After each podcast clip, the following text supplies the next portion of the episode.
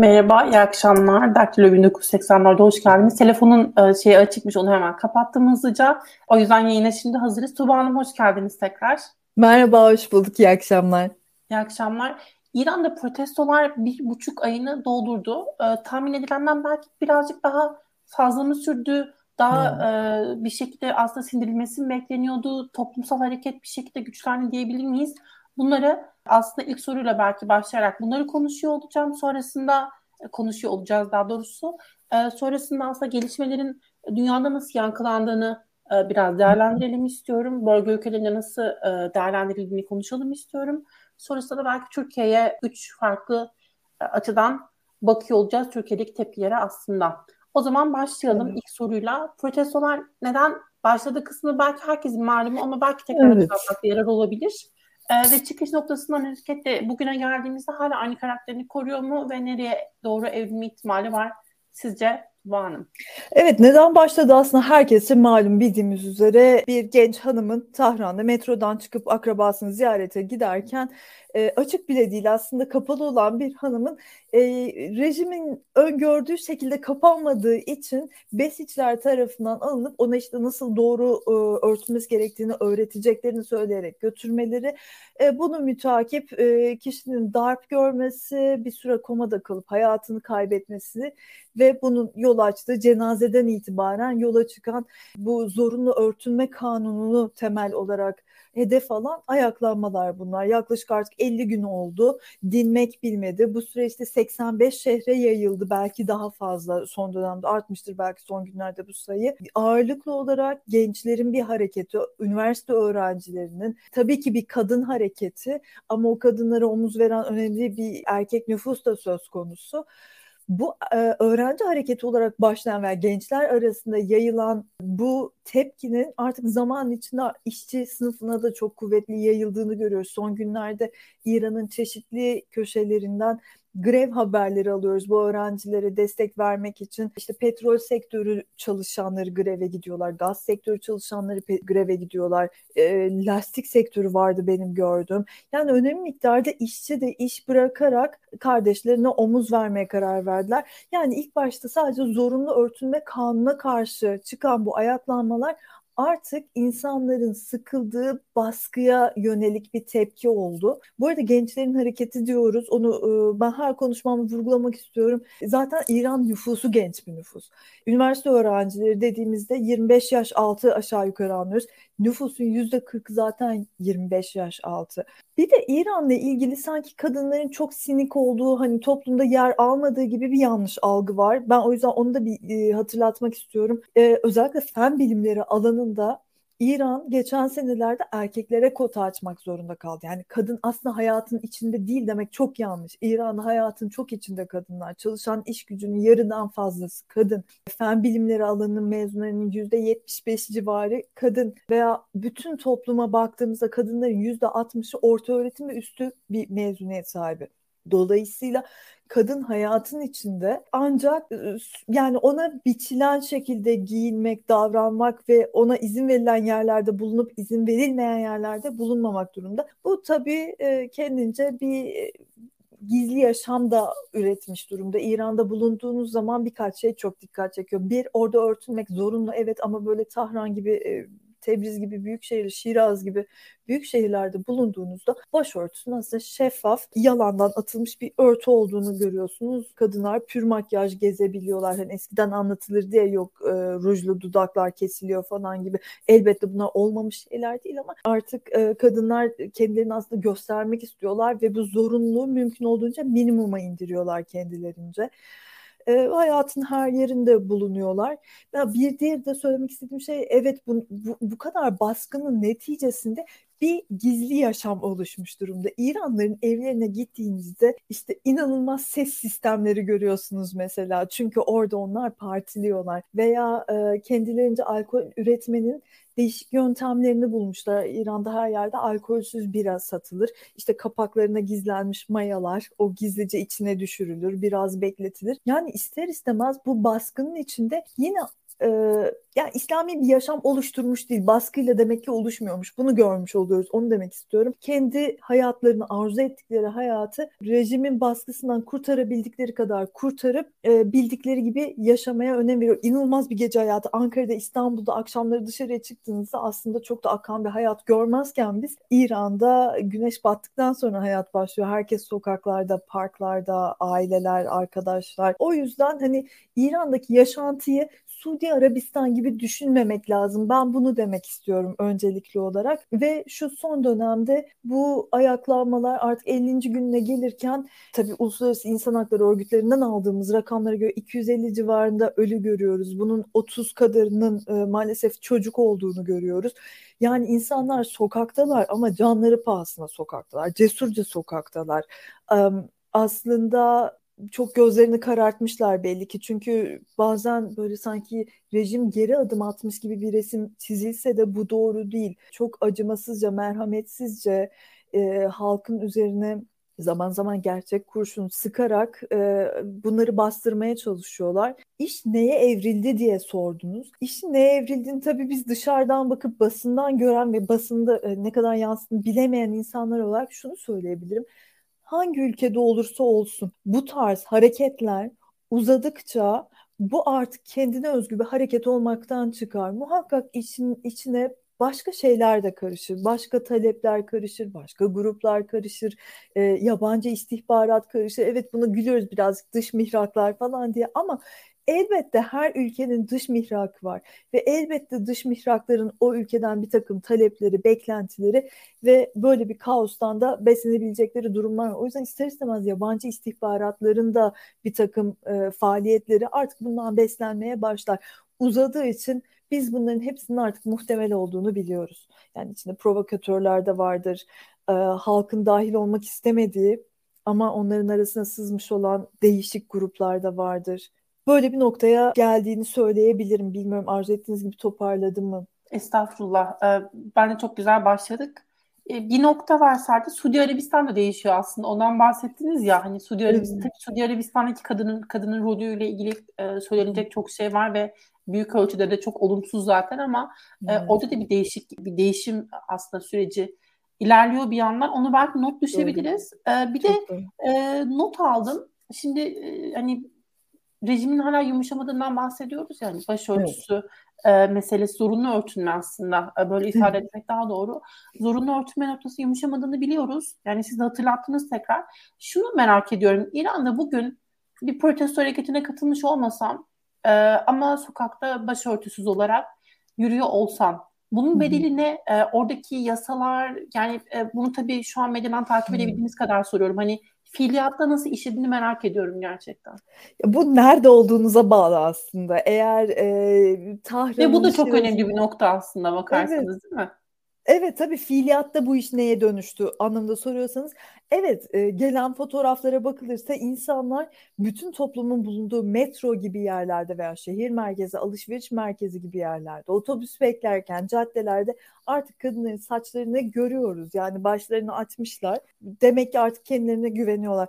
Öte yandan bu işin bir intikamcılığı da olabilir. Yani bunu belki Tahran merkezde yapmak kolayken işte Yezdin e, nispeten dış bir mahallesinde bunu yapmak belki birazcık tehlike getirebilir. Yani Mehsa Emin'in yaşadığı gibi bir şeyler yaşamasına yol açabilir belki de o kadının. Yani bu iş bit yani Tahran'dan gelen fotoğraflara bakarak bu iş bitmiştir demek işi hafife almak olur. Oradaki kadınların hala karşı karşıya kaldığı tehdidi görmemek olur. Muhtemelen bu göz yummalar, toplumun tepkisinden kaçınmak için karışmamalar belirli yerlerde artık belki kalıcı olabilir. Dediğim gibi üniversiteler çok yaygın, kad- üniversitelerde kadın varlığı çok yaygın. Dolayısıyla belki böyle yerlerde kadınlar eskiye nazaran daha rahat davranabilirler ve artık mollalara bağlı güçler de buna belki göz yumabilirler. Ama ben kanunun değişeceğine mesela çok da ihtimal vermiyorum. Çünkü e, e, yani bir Müslüman devletten söz etmiyoruz. Biz bir İslam rejiminden söz ediyoruz. Burada bazen yanlış yorumlar görüyorum konu hani İslam'ı yenmek gibi falan konu o değil. Konu İslami bir devlet ve e, ideolojisi yani bu dini değil ideolojisi buna bağlı bir şey. Dolayısıyla bu ideolojiden geri adım atmak istemeyecektir. Ve maalesef İran siyaseti genel itibariyle bunun üzerine kurulu. Sadece İslam devrimiyle de ilgili değil. İslam devriminden önce olduğumuz dönem yani bu baba e, Pehlevi'nin olduğu dönemde de keşfe hicap diye mesela bir kanun çıkartmışlar. Kadınların üzerinden çarşaflarını zorla söküp almışlar modernleşme adına. Kadın bedeni İran siyasetinin coğrafyası olmuş hep. Aslında dünyanın her yerinde elbette olmuş ama orada bunun çok daha artık görünür olduğunu farkındayız. 1930'ların ee, sonundan bu yana maalesef devlet siyasetini kadının coğrafyasında gütmüş birazcık. O yüzden bunun kanun olarak değişeceğini ihtimal vermemekle birlikte de facto olarak belki merkezlerde yumuşayacaktır. Ee, bir izleyici sorusu var. Onu yöneltmek istiyorum aslında. İran'da feci bir yolsuzluk olduğunu hatırlatıyor. Moğollar ve çevresi için şatafatlı bir yaşam söz konusu. Aslında protestoların güçlenmesi ya da işte farklı farklı sektörlerde grev olarak bir şekilde kendini doğruyor olması. Buna Hı-hı. ilişkili demek mümkün olur mu sizce? Ya aslında bu 2019 ve onun öncesinde gerçekleşen ayaklanmaların hep ekonomik bir temeli vardı. İşte çalışan sınıfın yaptığı ayaklanmalardı.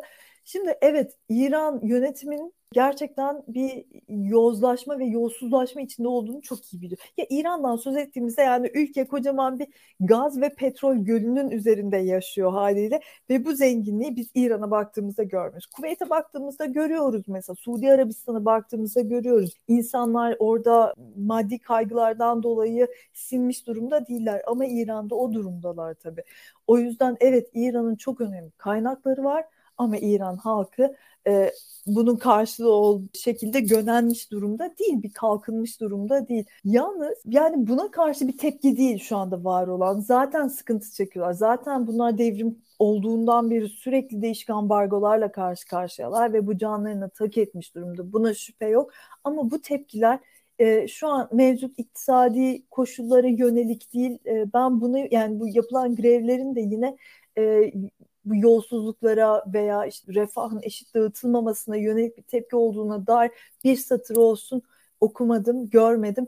O yüzden bu yan yani sadece varsayımda bulunabiliriz belki öyledir diye ama bu yönde herhangi bir e, elimde kanıt yok. Dolayısıyla söylemem de doğru olmaz. Eskiden bu böyleydi ama. E, yolsuzluklarda şöyle tabii rejime tepki gösteriyorlar. Bu yolsuzluk konusunda benim en son işittiğim bir önceki hükümetin Dışişleri Bakanı Cevat Zarif ve eşinin karıştığı yolsuzluktu. Dışişleri Bakanı olduğu dönemde eşiyle birlikte Şangay'a e, önemli bir miktarda para kaçırmışlar çeşitli dönemlerde oradaki bankalara saklamışlar ve deniyor ki bu yani okuduğum şekliyle söyleyeceğim helal parasını bu şekilde kaçırmadı elbette diyorlar. Burada yani devletin kasasına uzanmış bir elden söz ediyorlar. Muhakkak artık bu yönde de birazcık bir şeyler işitmeye başlayacağız. Bu çok yeni bir gelişme. Yine bir izleyici sorusu var protestolar silahlı bir çatışmaya döner mi sizce diye sorulmuş. Sanırım iç, iç savaş kastediliyor ama bilmiyorum sanki böyle durumlarda biraz daha etnik karakterin olduğunu da görüyor oluyoruz. Ee, bu sebepten iç çatışmaya dönme ihtimalini siz çok gerçekçi buluyor musunuz? Ne dersiniz?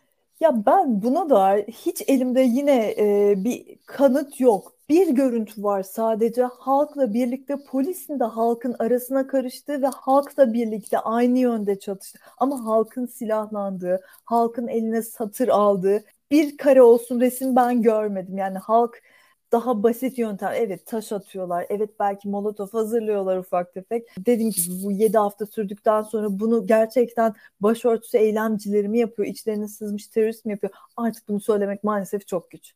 Dönüşür mü? Dönüşmez demek de çok safça olur. Dönüşebilir elbette. Ee, İran'da politik liderliğin bir e, iki başlılığı aslında söz konusu. Bir yüksek otorite var ama bir yanıyla da aslında tırnak içinde e, seçimler e, sanki seçimler tercih dayanıyor, dayanıyormuşçasına işte şey üzerinden nasıl nasıl ifade etmek gerekir bilmiyorum ama kötünün iyisini falan seçmeye çalışan bir toplumdan bahsediyoruz. Bir evet. demokratik karakteri olduğunu söylemek çok çok güç olur. Doğru da olmaz hatta.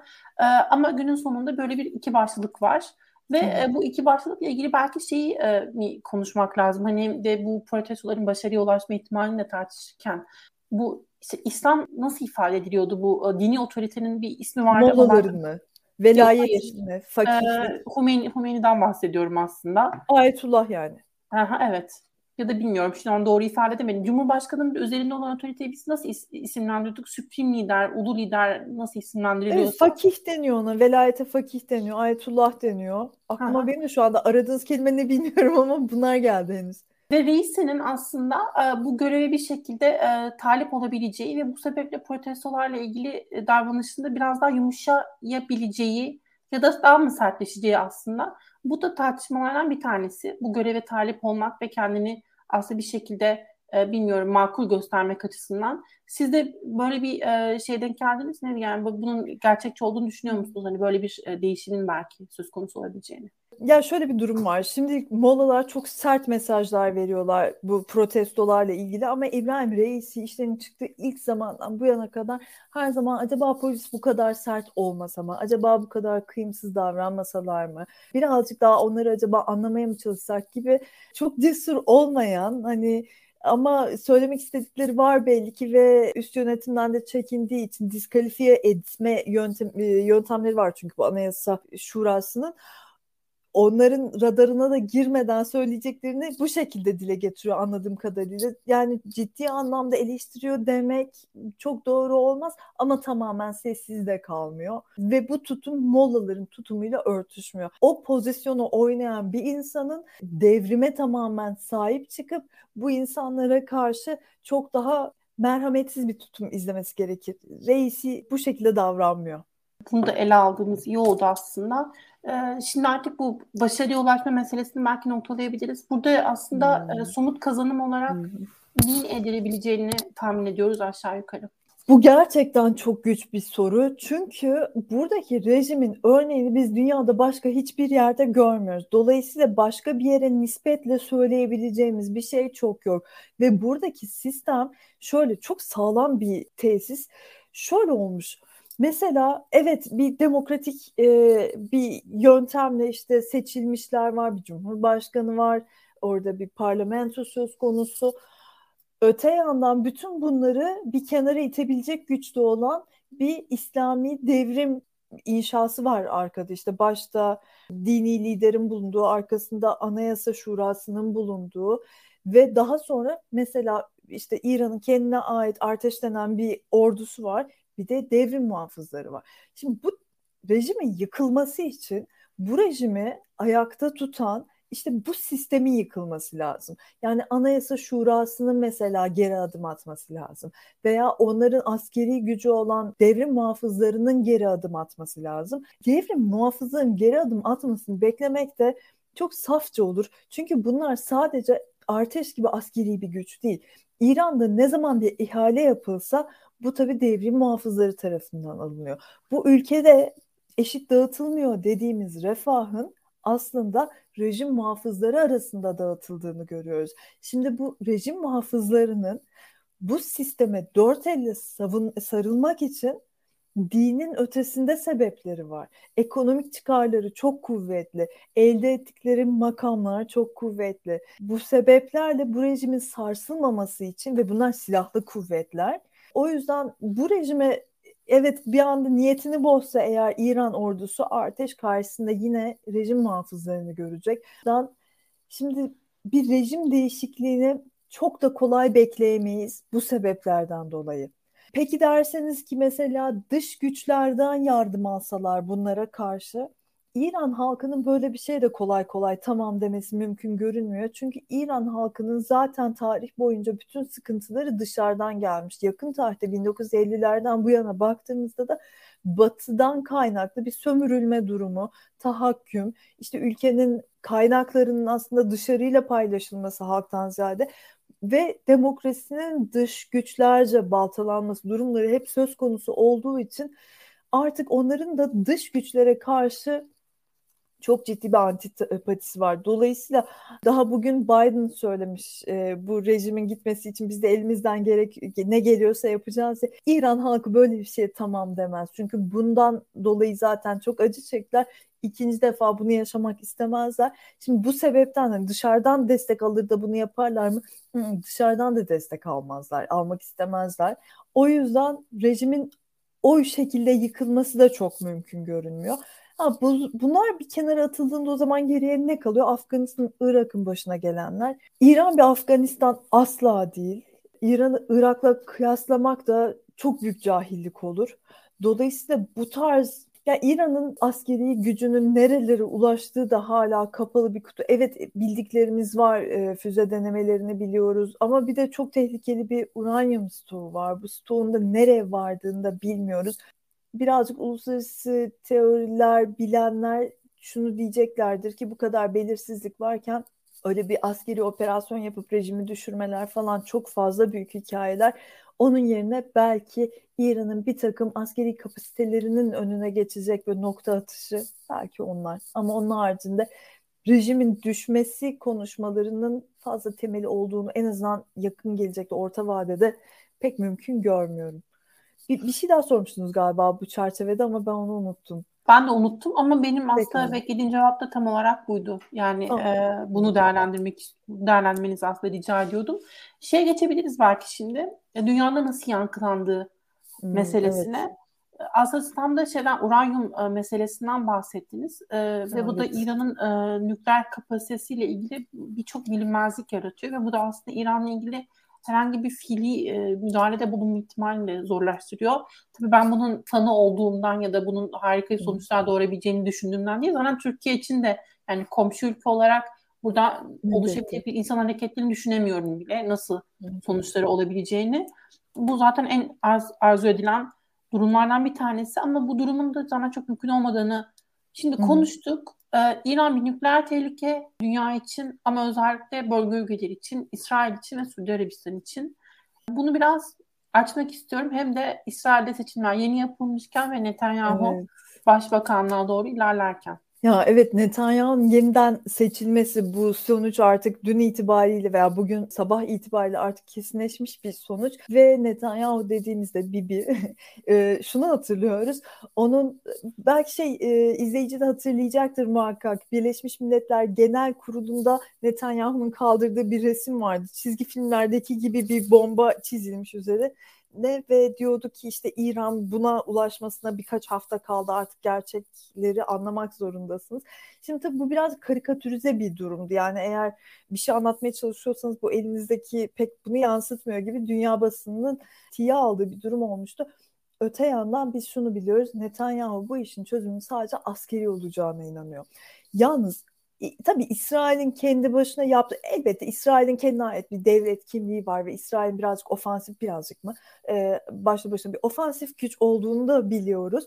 Öte yandan bir müttefik var e, Birleş e, ABD ve Amerika son dönemde İsrail'in bu nükleer anlaşmayı sabote etmelerinden e, belli ki illallah dedi. Bun, geçen yaz biz bunun çok kuvvetli sinyallerini aldık. Şimdi 2020'de Bağdat'ta bir suikast olmuştu ve rejim muhafızları liderinin öldürüldüğünü görmüştük orada ve bunu Amerika üstlenmişti zaten. Rejim muhafızlarının işte İran dışında güttüğü bir takım politikalardan artık kurtulmak istedikleri için. 2022'ye geldiğimizde de e, yaz aylarında yine bu rejim muhafızlarından ismi neydi? Seyit Hodai isminde bir yine rejim muhafızı liderinin öldürüldüğünü gördük. Ve hemen tabii bütün gözler Amerika'ya çevrildi. Çünkü daha önceki suikasti de Amerika üstlenmişti. Çok enteresan bir şey oldu. Hiç beklenmeyecek şekilde New York Times'ta bir haber çıktı. Ve o haber kaynağı diyordu ki Hodai'nin öldürülmesinin arkasında İsrail var. Bunun şok ediciliği şuradan geliyor. İsrail ve Amerika müttefikler. Yani Amerika müttefikini eğer İsrail yaptıysa amiyane tabirle neden sattı? Neden gammazlamak istedi? Biz bundan şunu anlıyoruz.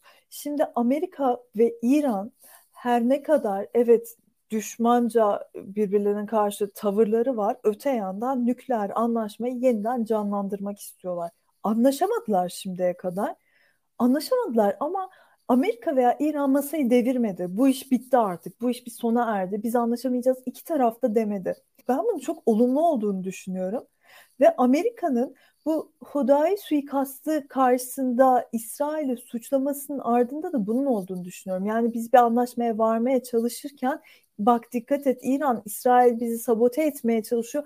Buna müsaade etmeyelim diyordu aslında Amerika. Ben bunu çok şok edici bulmuştum. Çünkü bugüne kadar hani İran karşısında tanıdığımız Amerika ve İsrail'in davranışları bu şekilde değildi ve ilk defa Amerika ve İsrail İran için karşı karşıya geldi. O yüzden bir kere bunu bir kenarda tutmamız lazım. Yani nükleer anlaşmayı hala iki tarafta istiyor. Anlaşamadıkları noktalar var. Mesela İran'ın talepleri var işte. Diyor ki Türkçesi neydi hatırlatın bana devrim muhafızlarının terörist listesinden çıkarılmasını istiyor. Amerika bunu yapamayız diyor. Veya diyor ki bir anlaşma oluşturduğumuzda Amerika artık bu anlaşmayı bozmayacağına baştan söz vermeli. Amerika buna söz veremem ki diyor. Senin füze denemelerin var. Neye varacağını bilmiyoruz. Veya İran diyor ki bundan sonra tam olarak bahane kelimesini kullanmışlar. Herhangi bir bahane ile İran'a hiçbir ambargo uygulanmayacak. İran söz e, Amerika ben buna nasıl söz verebilirim diyor. Senin gelecek davranışlarını öngöremezken şimdi anlaşamadıkları noktalar az buz değil. Ama dediğim gibi masayı devirmiyorlar. Bu enteresan bir gelişme. Bu iki e, Amerika ve İran bu anlaşmaya ulaşmaya çalışırken Netanyahu seçildi ve Netanyahu İran'dan kurtulmanın tek yolunun askeri olduğunu düşünüyor. Buna Amerika izin vermeyecektir diye tahmin ediyorum. Bu birkaç gün öncesinde bir de şöyle bir şey duyduk. Bu haftanın başında pazar salı günü oldu yanılmıyorsam. Suudi Arabistan dedi ki İran bize saldırı hazırlığında. Şimdi bu da olmayacak bir şey. Bu aslında ilk beklenecek şeydi. 2019'da da çünkü böyle olmuştu. Doğrudan bir saldırıdan bahsediyoruz değil mi? Vekalet savaşları değil daha önce gördüğümüz gibi. Doğrudan bir saldırıdan bahsediyoruz. Şöyle ben bunu tabii Arapça üzerinden okumadım. Orada kelime farkı varsa bilmiyorum ama İngilizce üzerinden okuduğum kaynaklar bana diyordu ki Suudi Arabistan İran'ın kendine saldırı hazırlığı içerisinde olduğunun istihbaratını almış. Dolayısıyla gardını almaya hazırlanıyor. E, dolayısıyla bu artık hani Yemen'den gelecek bir şey mi doğru, İran'dan gelecek bir şey mi? Bunun indikatörü yoktu haberlerde. Ama şunu demek istiyorum. 2019'da da İran'da bu kadar büyük karışıklıklar olurken Yemen'den havalanan füzeler Suudi Aramco'yu vurmuştu. Olmayan bir şey değil. O yüzden İran yani bu aslında bölge ülkelerinde çok tipik bir şey. İçeride işler iyi gitmiyorsa eğer hemen dışarıda bir e, zafer veya dışarıda farklı bir kaos bulup o şekilde halka aynı payda altında toplama isteği.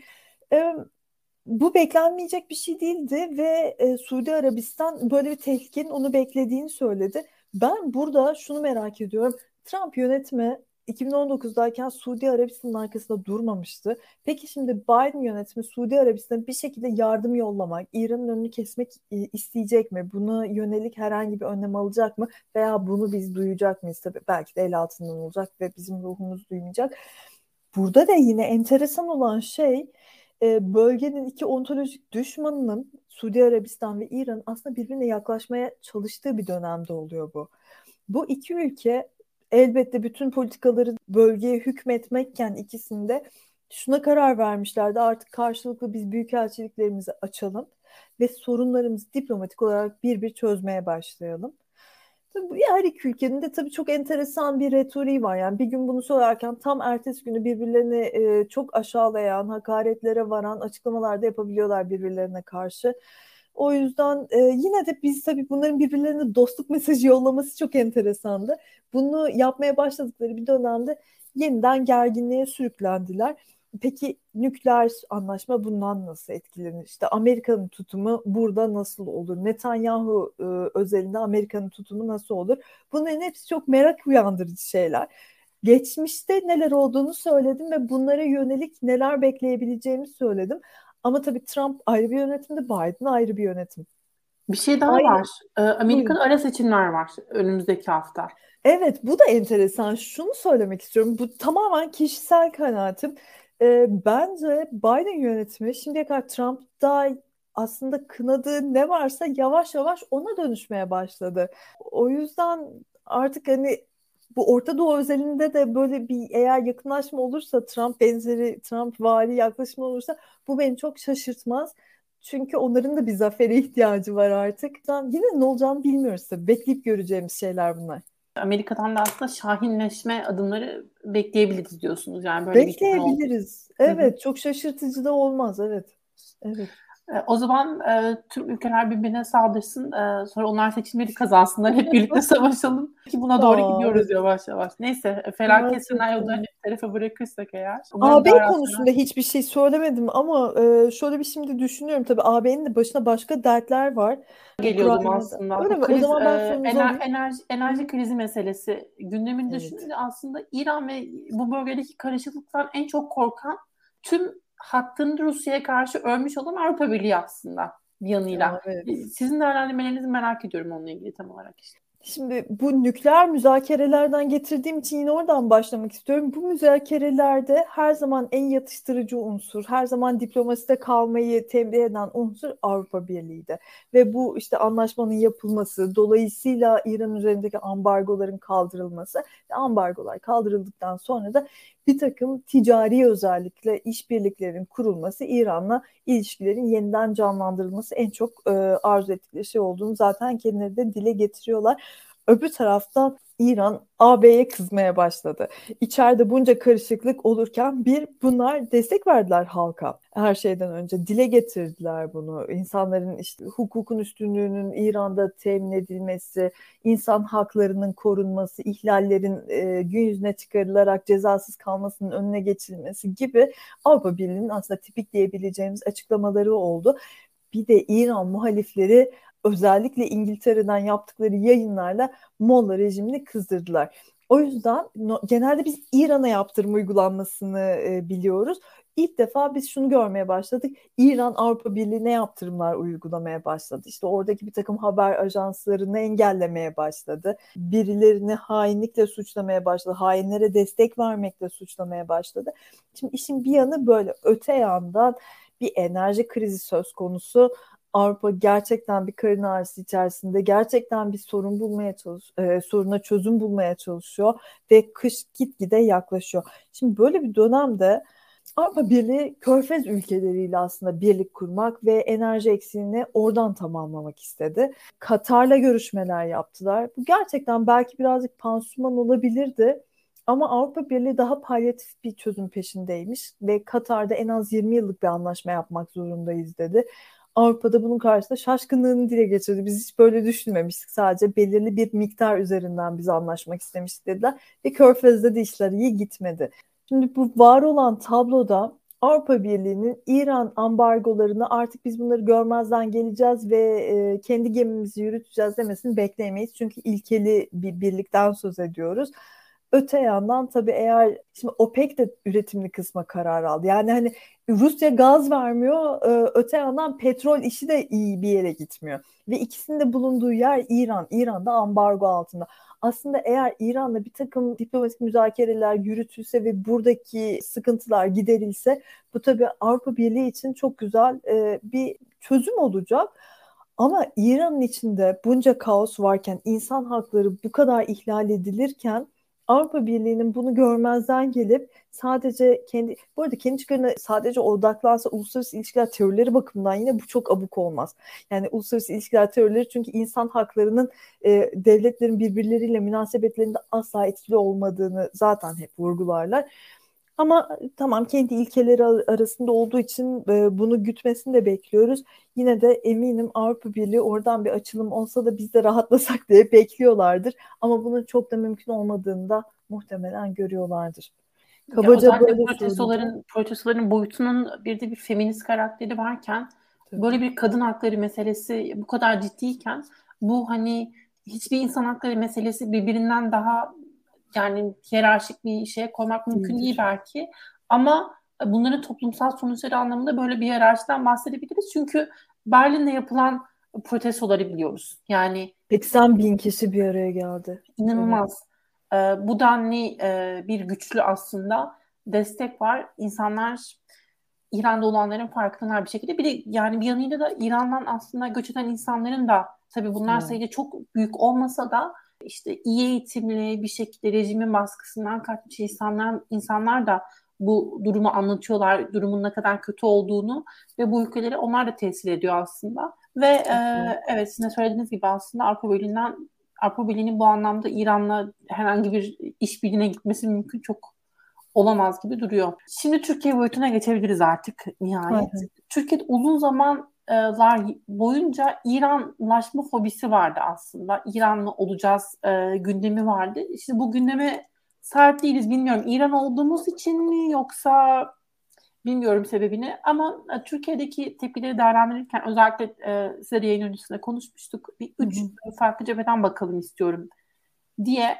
Aslında önce e, belki en az ilgi çekici olanı ama e, uluslararası ilişkiler boyutu açısından ben benim en çok merak ettiğim Şimdi Dışişleri Bakanlığı önce şu ayrımdan bir bahsedelim. E, muhalefet ayrımından bahsediyorum. Dışişleri hmm. Bakanlığı'ndaki bürokratlarının duruma nasıl baktığını çünkü Dışişleri Bakanlığı biliyoruz masalar var çeşitli e, ülke politikaları üzerine düşünen, araştıran, çalışan ve bir yandan da aslında sarayda e, ve AK Parti e, olarak ve Erdoğan olarak aslında bir de onların e, benimsemeye kalktı. İç politikayla da böyle sentez bir politik anlayış var ve bunlar kimi zaman Türkiye'nin geleneksel dış politikasından ayrışıyor ve e, kimi zaman da sadece parti çıkarına hizmet eden politikalar doğurabiliyor burada belirlenen e, kararlar. Dışişleri Bakanlığı'ndaki bürokratların bakışını merak ediyorum. Çünkü buradaki gerilim hattının aslında bizim içinde bazı etki ve sonuçları olabilir. Neden? Ton hiç yükselmiyor. Ben kınanıp kınanmadığından dahi emin değilim zaten e, işte göstericilere uygulanan şiddetin ama bununla ilgili neler söylemek lazım? Şimdi ilk önce herhangi bir e, ilkeyi katmaksızın katı işte iki ülkenin ilişkisi bakımından buna bakarsak bu arada e, hani bir kınanıp kınanmadı dediniz kınanmadı. Hiç e, bu yönde bir ses çıkarılmadı. Yalnız ben şunu söyleyeceğim. Bir ses çıkarılmamasını ben şu anda çok sıra dışı bulmuyorum. E, sadece uluslararası ilişkiler kaynaklı baktığım zaman bunu çünkü Türkiye Cumhuriyeti buna bir ses çıkaracaksa peki bundan mesela çıkarı ne olacak veya çıkarması durumunda uğrayacağı zarar ne olacak gibi hani fayda zarar hesapları vardır. Şimdi şu dönemde Türkiye çok dengeli bir dış politika gütmek zorunda. Bir taraftan bir NATO gücü olurken diğer yandan e, Rusya ile bir takım işbirlikleri içerisindeyken ve bu yaptığı aslında kendisinin varlığı ve gücü bakımından da çok doğru olduğunu söyle- söylemek istiyorum. Böyle bir dönemde şimdi bu İran topuna hiç girmemesini anlamlandırabiliyorum. E, çünkü sizinle de konuşmuştuk bu il, e, uluslararası ilişkiler teori de, dediğim gibi yani insan haklarının bunda herhangi bir rolü yok. Devletin kuruluş amacı hangi devlet olursa olsun insan haklarını korumak veya güvenliği sağlamak ülke içinde ve bu devlet ile kendi süjesi arasında olan bir şey. Dışarıdaki bir ülkeyi ilgilendiren hiçbir şey yok. Bu devletler arası münasebeti ilgilendiren hiçbir şey yok. Yani halk bir şey talep ediyorsa kendi e, yönetiminden talep edecek. İran'da olan bu. Türkiye'nin bunda bir rol oynaması dediğim gibi herhangi bir ilkeyi katmadığımızda diyoruz ki evet bu anlaşılabilir. Yalnız öte yandan Şimdi Türkiye'nin bu tamamen sessiz oluşu, bu arada şu anda bunu tabii iktidar bakımından söylüyoruz ama aslında muhalefet bakımından da aynı şeyi söyleyebilirim. Yani biz muhalefetten güçlü bir ses duyduk mu? Güçlü bir kınama duyduk mu? Muhalefetin İran'ı ya da Türk hükümetini bu konudaki tutumu bana duymadık aslında bakarsanız. Bu konuda tek bir kınamayı ben HDP'den duydum. Onu da şöyle şu şekilde tam yanlış söylüyor olabilirim umarım değildir de Mahsa Emin'in aslında Kürt oluşu ve bu dönemde de İran'ın PJK'a karşı yaptığı operasyonları bir şekilde bir tutarak hani bu da bahane oldu da PJK'da operasyon yürütmek için bahane oldu bunu doğru bulmuyoruz tadında bir eleştiriydi. Yani burada kadınların uğradığı zulüm işte kadın bedeni üzerinden Demirtaş'ın. Demirtaş'ın saçını kazıtmasını belki ha, evet. not düşebilirim. Doğru. Ama o da sana HDP ekibinden biraz ayrışıyor gibi. Son dönemde değil mi? Orada da evet. zaten kendi içlerinde de e, güzel olmayan bir takım ilişkileri doğru söylüyorsunuz. Evet değişik oradan da sinyaller alıyoruz. Yani aslında Türkiye'den, iktidardan zaten almıyoruz da onu tabii dış politika güden güç olduğu için özellikle ayırıyoruz. Ama muhalefetten de çok kuvvetli sesler falan görmedik. Halk bakımından gördük bunu. Yani halkın destek vermesi. Bizde Tabii dijital aktivizm çok fazla. Dolayısıyla insanları biz sosyal medyada görüyoruz bunlara verdikleri desteği ve çeşitli sosyal grupların böyle bir desteği olduğunu biliyoruz. Yani hükümetin şu anda bir tepki vermemesini doğru bulup bulmamak bakımından değerlendirmiyorum. İhtiyaç bakımından değerlendiriyorum. O bakımdan da anlıyorum.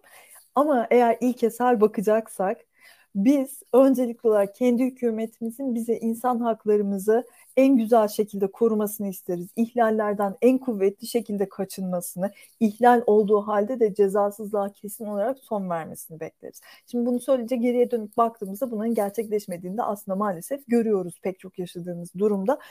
Ee, biz bu yüzden ses çıkartmasını istiyoruz. Yani aslında kendi sorumluluklarını hatırlaması, kendi hatalarını düzeltmesi, daha sonra da bunu etki alanına yayması bakımından biz bunu çok arzu ederiz, isteriz. Çünkü bunun İran halkına katkısı olacağı kadar aslında Türkiye Cumhuriyeti'nin süjesi olan herkese de etkisi olacaktır. Bu bakımdan isteriz. Bir tepki vermemesini de bu yüzden eleştiririz. Yani kendisi de benzer bir baskıcı e, durumu var diye. Belki e, tabii ya bunu benim şimdi, şimdi sizin söylediklerinizden sonra bunu beklemek belki çok iyimser olacak ama iyimser de değil aslında. Ben Dışişleri Bakanlığı'nın tonunu çoğu zaman daha daha ortada bir yerde e, olduğunu görebiliyorum. E, en azından bu kaleme alınan metinler, e, yapılan basın açıklamaları anlamında. Çok doğru. Mesela Avrupa Birliği'nde genelde bir kaygılıyız açıklamaları olur ya. En azından protestolarla ilgili bir kaygının belirtilmesi, bir not düşülmesinin belki anlamlı olabileceğini ama bunun bile yapılmış evet. olma, olmasından kaçınılmasını çok anlamlandıramıyorum aslında. Evet. Bilmiyorum sebebini. Ee, en azından bu kadarı belki sağlanabilirdi ve bu da hani tüm dünya bir şekilde İran'a tepki gösterirken belki çok da dikkat çekmezdi ve Türkiye'nin çıkarlarını doğrudan etkileyecek çok olumsuz bir hamle yol açmazdı belki. Evet çok o. Yani biz şöyle bir kınama gördük. Biz e, protestolara uygulanan orantısız şiddet, polis şiddeti gibi durumların kınandığını görmedik. Yalnız şurada işte dediğim birkaç gün öncesinde Şiraz'da bir e, saldırı gerçekleşti. 15 masumun öldüğü bir Şahçera Türbesi'ne düzenlenen saldırı vardı. E, biz onu kınadık. Yani e, orada kayıp canları dolayısıyla burada işte e, onun şehit olduğu falan söylendi ve bu saldırıyı kınadık ama polis şiddetini işte yönetimin baskıcılığı doğru söylüyorsunuz kınanmadı. Dediğim gibi bu Erdoğan ve AK Parti meselesine birazdan geleceğim ama yine hala biraz şeyde kalmak istiyorum. Bu devlet haklı meselesi ya da muhalefetin ben çok tepki göstermiyor oluşunun sebebiyle ilgili.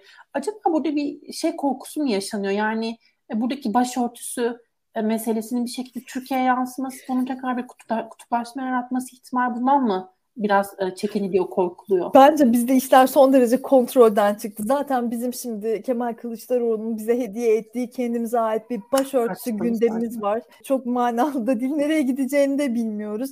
Dolayısıyla bütün bunlar yani bizde dönenlere şu anda biz bir anlam veremezken bir de işin içine bilmiyorum İran'ı karıştırmaktan mı artık çekiniyor muhalefet kendi kusurunun üzerine ayrıca bir daha tüy dikmekten mi kaçınıyor? Bu da enteresan. Evet bilmediğimiz şeyler bunlar tabii. Hiçbir açıklama yapmazlarsa biz onların niyetini okuyamayız. Yani kendileri bize birazcık ipucu verecekler, bir takım açıklamalar yapacaklar ki biz de onun üzerine evet böyle dediler demek. Evet. demek Onun için özgür basına ihtiyaç var. Ee, doğru soruların evet. sorulmasına ihtiyaç var. Hesap evet. veren bir hükümet anlayışına ihtiyaç var. Kesinlikle. Vesaire vesaire. Gürhan Bey yazmış. Hükümetin tepkisi İran vatandaşlarının ikamet izni uzatmamak. 3 senedir ikamet izni e, alan arkadaşımın iznini 6 ay uzatabilmek için 20 takla attık. Geçen hafta ve AKP'den bağlantı bulup alabildik izni. Aslında ben de e, ben de kendim burada bir not düşebilirim belki. Benim Türkiye'de işte bu avukatlık stajımı yaptığım zamanlarda arkadaşlarla konuştuğumuz e, zamanlarda onlar onlar benden tabii daha başarılılardı. O yüzden ruhsatlarını almışlardı. Ve işte bu adli yardım noktasında gittiklerinde özellikle bu göç idaresine vesaire İranlılarla ilgili çok zorluk çıkarıldığını ben de biliyorum. E, ve İran'da özellikle bu işte yani kadın e, ve rejim muhalifi olanlar, işte LGBTQ'lar, özellikle hmm. çok fazla ben Eskişehir'de bu dönemi, bu konuştuğum dönem Eskişehir'de oluyordu ve Eskişehir'de gerçekten çok fazla böyle bir nüfus var. Ee, özellikle hmm. Eskişehir yerleştiriyor biraz daha liberal bir karakter olduğu için ve hükümetin aslında politikası diyebileceğimiz ölçüde bir e, problem olduğunu belki not düşebiliriz. Siz bir şey söyleyecektiniz. Ben Yok yok hayır. Ee, ben siz bunu söyleyince bana bir şey hatırlattınız. Ya ben bu asla bilmediğim bir konu tabii. ikamet durumları hiç şahit olmadım, çalıştığım bir alan değil. Benim tek bildiğim e, İran müziğini biraz dinleyenler Muhsin Namcu'ya e, muhakkak aşinadır ve bu Ankara'da veya e, Türkiye'nin çeşitli yerlerinde değişik yerlerde konserler yapacakken bir anda bu konserlerin iptal olduğunu duyduk. Şimdi bu iptallerin arkasında ne var gerçekten bilmiyorum. Yalnız son dönemde tabii bizim festivallerimizin iptal edilmesi durumlarını bildiğimiz için bunun arasında bir bağlantılık olabilir. Dolayısıyla siyasidir. Hükümetin bu konudaki o siyasi tutumunun bir uzantısı olabilir. İran'a e, bir bilmiyorum artık onların hükümete bir birliktelik mesajı mıdır? Protestoculara bir ne yaptığınızın farkına varın mesajı mıdır? Ama bu enteresandı. Çünkü Mohsin Namcı'nın da e, e, yani hükümetin ya İran hükümetinin hedef aldığı bir kimse ve işte Kur'an ayetleri geçiyormuş bazı şarkılarında. E, bundan dolayı iptal edildi diyorlar. Tabii resmi açıklama olmadan bir şey diyemiyoruz. Öyle olduğunu tahmin ediyoruz. Bilemiyoruz. Ee, yine bilmediklerimizden e, bir e, soru sormak istiyorum. Ee, ve aslında yine bu Erdoğan AK Parti dış politika meselesi. Hep konuşuyoruz zaten Erdoğan ve AK Parti'nin dış politika anlayışı kimi zaman Türkiye'nin geleneksel dış politikasından farklılık arz ediyor ve Türkiye çıkarlarının Türkiye'nin çıkarlarından çok bir parti e, çıkarları gündemine hapsolabiliyor. Ve aslında afişte kullandığımız fotoğrafa da dönmek istiyorum biraz e, bir şekilde bu Rusya-Ukrayna savaşından sonra bile Putin'le yürütülen ilişkiler e, üst düzeyde devam ettirilebildiği fotoğraflar verilmeye devam ediliyor ve fotoğraflarda aslında reisi de var. O görüşme de tam hatırladığım kadarıyla ya İran'da gerçekleşmiş ya Soçi'de gerçekleşmişti. Hmm, Suriye. Ee, özür dilerim. Suriye temelli o zaman bir evet, şey evet, evet, evet, evet. Ama bu e, bu samimiyetin e, bir e, bilmiyorum şeyi var mı sizce? Nedenselliği olabilir mi? Ama dediğim gibi bunlar yine bilmediğimiz şeyler çünkü detaylandırılmıyor hiçbir şekilde. Ama nasıl bir ilişki yürütüldüğünü de ben gerçekten merak ediyorum İran lideri reisiyle. Cumhurbaşkanı daha doğrusu. Yani şöyle bizim dış çıkarlarımızı bir şekilde dengelemek zorundayız. Tamamen herhangi bir tanesine sırt çevirmek, ona bir ders vermeye kalkışmalar falan bunların şu, şu kadar kritik ve kaoslu bir dönemde fazla bir manası yok. Yani denge gütmek manalı. Peki bu gerçekten dengeli mi diye sorabiliriz elbette. Burada da bizim bilmediğimiz çok şey var. Yani son dönemde mesela Ukrayna dedi ki İran Rusya'ya kamikaze dronları satıyor ve Rusya'nın bize saldırdığı dronlar İran'ın dronları. Şimdi SİHA pazarında işte baktığımızda Türkiye ve İran yani ucuz SİHA pazarında Türkiye e, öncü ardından İran geliyor. İran'ın tabii ambargolar dolayısıyla ulaşabildiği pazar çok daha kısıtlı. İşte Lübnan'a satabiliyor, Yemen'e satabiliyor, Irak'a satabiliyor. Satıyorsa Rusya'ya gerçi bunu kabul etmiyorlar. Rusya'da yok böyle bir şey dedi. İran'da zaten niye evet desinler eğer öyle bir şey yapıyorlarsa. Çünkü bu Roma statüsü bağlamında aslında savaş suçuna girebilecek bir durum sivillere karşı kullanıldığı için. O yüzden elbette böyle bir şey kabul etmelerini de beklemiyoruz. Şimdi yani şunu söylemek istiyorum. Etrafta çok fazla olay gelişiyor ve işin işte enerji boyutu, iktisadi boyutu, e, ne bileyim tahıl mesela anlaşması en son karşımıza çıkan durumdu onun olması işte Türkiye'nin bir enerji hub'ı haline getirilmesi e, sözünü işittik e, Putin'den. Bunları gördüğümüzde Türkiye'nin niye dengelemeye çalıştığını tahmin edebiliyoruz. Ama hala bilinmeyen çok şey var. Çok doğru söylüyorsunuz. Sizin eklemek istediğiniz bazı noktalar varsa belki onları alabilirim ama neredeyse her şeye dokunduk sanırım. Ee, ama yine de dediğim gibi eğer eklemek istediğiniz bir şey varsa sorulara konu alayım sonra kapatalım. Ben size çok teşekkür ederim. Eklemek istediğim hiçbir şey yok. Ben çok teşekkür ederim zaman ayırdığınız için. Durumların karışık olduğunda yeniden önce konuşmuştuk. Kızınız uyum, uyumadı. E, bunu konuşmuştuk. Ama herhalde uyudu. E, ses gelmiyor çünkü arkadan. Ben Yayın yoğun krizi... olarak duyuyorum. ha, öyle mi? Tamam. Tamam. E, çok teşekkürler tekrar. İzleyicilere de çok teşekkürler. Lütfen yeni beğenmeyi, paylaşmayı unutmayın. Herkese iyi geceler. Davetinize teşekkür ediyorum. İyi geceler. Hoşçakalın.